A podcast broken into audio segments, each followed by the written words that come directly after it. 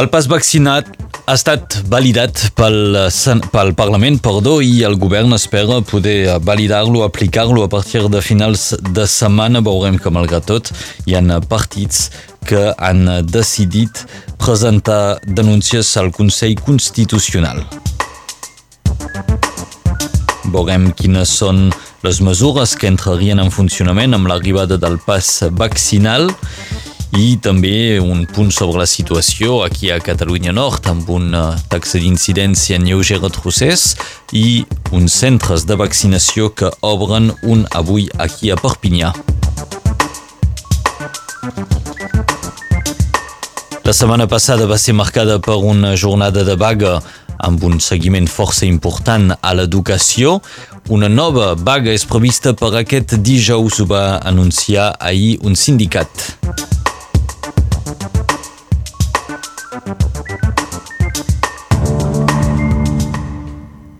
La taxa d'incidència de la Covid-19 baixa lleugerament a Catalunya Nord i avui estem a 2.516,9 casos positius per 100.000 habitants. A l'hospital el nombre de malalts es manté estable. Estem a 200 hospitalitzacions i 24 pacients en reanimació. El pas vaccinal ja ha estat validat pel Parlament. Després de dues setmanes de debats tensos i carregats de polèmica, el projecte de llei pot tirar ara endavant. El govern hauria de promulgar la llei en els pròxims dies. Per ser vàlid, el pas vaccinal haurà de presentar una vaccinació completa o un certificat que demostri que una persona ha passat la Covid en un termini de menys de sis mesos. Les proves PCR o antigèniques ja no són suficients per poder obtenir aquest pas. L'entrada en funcionament del pas vaccinal es farà progressivament. Les persones que estiguin a l'espera de completar el pla de vaccinació podran aconseguir un document que, juntament amb un test negatiu, faran ofici de pas vaccinal. I el Consell Constitucional haurà d'estudiar diversos recursos presentats contra aquest text. Concretament són els elegits socialistes i els de la França Insoumise qui denuncien aquest projecte de llei i amb l'entrada en funcionament del pas vaccinal també augmentaran les sancions contra les falsificacions. La multa passa a ser de 45.000 euros i pot pujar fins a 5 anys de presó i 75.000 euros de multa en cas de tenir diversos documents falsos. La llei preveu un període de 30 dies perquè les persones en infracció puguin completar el seu pla de vaccinació i d'aquesta manera doncs, evitar una sanció. La llei també preveu una multa contra les empreses que no apliquen la mesura del teletreball. El govern demana un mínim de 3 dies de teletreball per setmana a totes les empreses que puguin aplicar aquesta mesura. Les empreses que no ho puguin fer rebran una multa de 500 euros per treballador en un límit de 50.000 euros. Avui obre un nou centre de detecció i de vaccinació contra la Covid-19 a Perpinyà. Es troba al barri del Molí de Vent, a prop de la piscina. Per primer cop a casa nostra, un centre de vaccinació serà gestionat per infermers liberals que seran presents durant els seus dies de vacances. Per fer-vos vaccinar en aquest centre caldrà prendre cita a la plataforma Doctolib. El sector educatiu tornarà a fer vaga dijous per protestar contra la gestió de la crisi sanitària per part del govern. La diada de vaga de la setmana passada va impactar sobretot les escoles.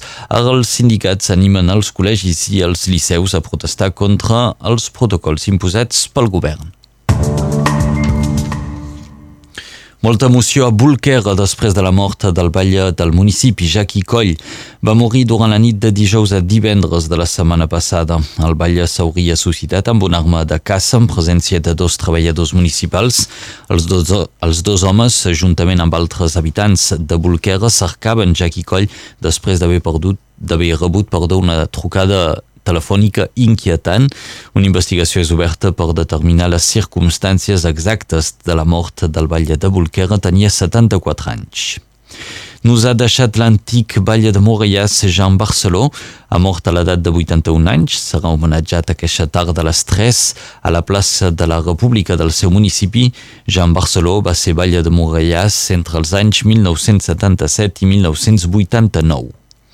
A Catalunya Sud, la sisena onada de Covid ha posat de nou en tensió l'assistència sanitària.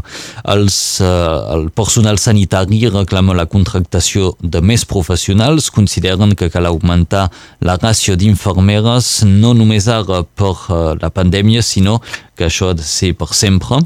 La presidenta del Col·legi d'Infermeres i Infermers de Barcelona ha assegurat que hi ha un dèficit d'entre 11.000 i 25.000 titulars en infermeria. A Honduras augmenta la reivindicació per la protecció de la vida, la cultura i l'autonomia de les comunitats indígenes.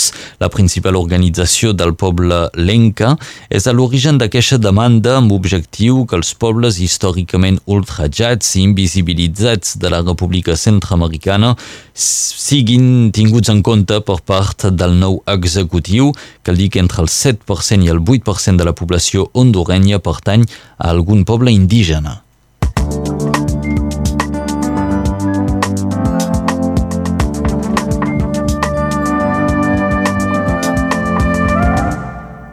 Tota la informació del temps nos la porta l'Enric Balaguer.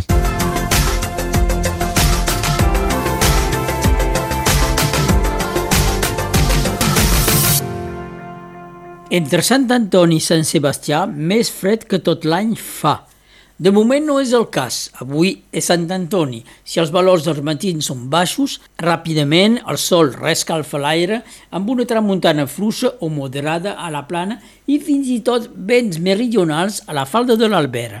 Res de molt diferent dels que hem conegut els dies precedents i semblaria que l'anticicló es troba bé amb les nostres latituds.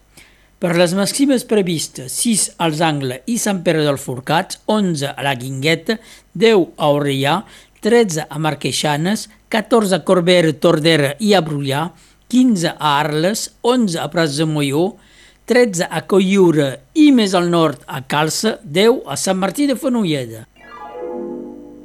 El 17 de gener de 1929 és la primera publicació del còmic Popeia, el 17 de gener de 1959 va morir el folclorista Joan Amades. El 17 de gener de 1975 és l'adopció a França de la llei Simone Veil sobre l'IVG, la interrupció voluntària de l'embaràs. És avui l'aniversari de la cantant Marina Rossell. És avui Sant Antoni Abat, diada de Menorca. A Maó avui tindran 14 graus, un bonic sol i un ventet de nord.